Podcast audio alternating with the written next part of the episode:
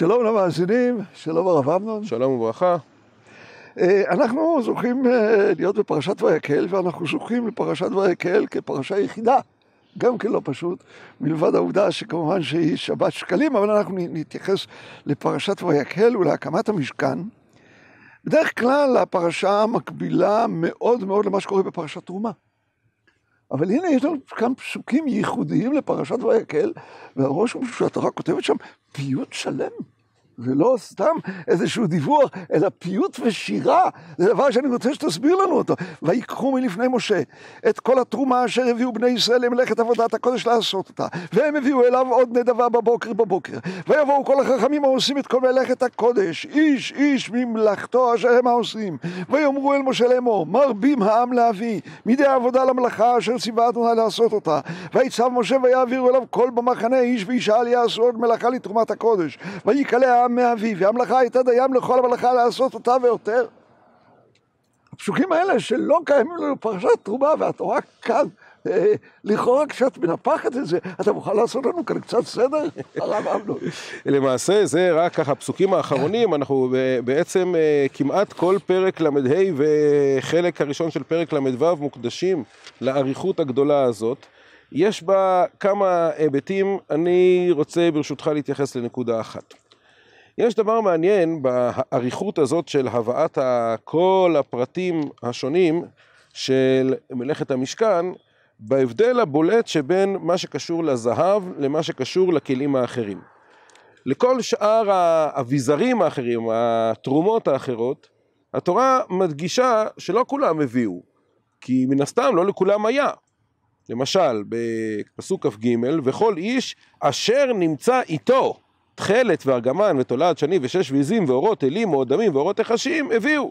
לא כולם הביאו, רק איש אשר נמצא איתו, כי הרי לא לכל אחד יש בבית אה, אה, או באוהל אורות אלים או אדמים. כן?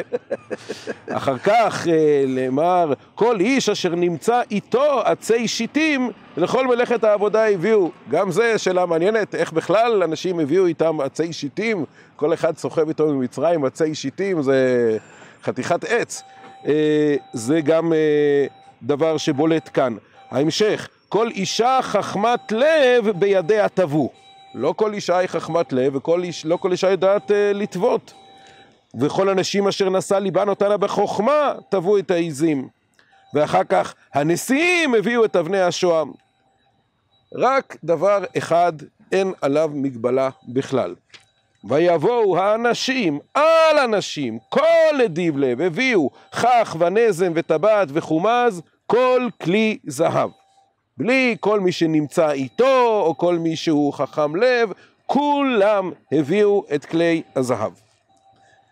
דבר נוסף שמבדיל בין הזהב לבין כל השאר. בסיומו של הפסוק שקראנו מקודם נאמר, וכל איש אשר הניף תנופת זהב להשם. כל שאר הדברים כתוב הביאו, כן, אורות הלימודים אורות ראשים, הביאו, את כסף ונחושת, הביאו, עצי שיטים, הביאו. הדבר היחיד שעליו נזכר הביטוי תנופה הוא הזהב. למה? אני חושב שהדגש הזה על הזהב ועל ההתנדבות הטוטלית שכל האנשים והאנשים, לא לא יוצא מן הכלל, הביאו זהב, מחבר אותנו היטב לשבוע שעבר, לפרשת כי תישא. שם uh, קראנו את ההתנדבות הגדולה, ויאמר עליהם אהרון, פרקו נזמי הזהב אשר באוזני נשיכם, בניכם ובנותיכם והביאו אליי, ויתפרקו כל העם את נזמי הזהב אשר באוזניהם ויביאו אל אהרון. אפשר לומר שמלאכת המשכן בצורה הפשוטה ביותר היא תיקון לחטא העגל, וההתנדבות למלאכת המשכן היא ההתנדבות שעומדת ככפרה על ההתנדבות לעגל הזהב. ולכן כל שאר הדברים, מי שהיה לו נתן, מי שלא היה לא, לא, לא נתן. אבל בפר... כל מה שקשור לזהב, כולם הביאו. כל מי שהביא זהב לעגל, הביא זהב למשכן. ולכן הביטוי הזה של תנופה, תנופה זה ביטוי שאנחנו מוצאים אותו תמיד בהקשר של קורבנות, של משהו שיש לו איזשהו חלק מתהליך של כפרה, הבאת הזהב הייתה בגדר כפרה אישית של כל איש ושל כל אישה על השותפות בחטא עגל הזהב. יפה.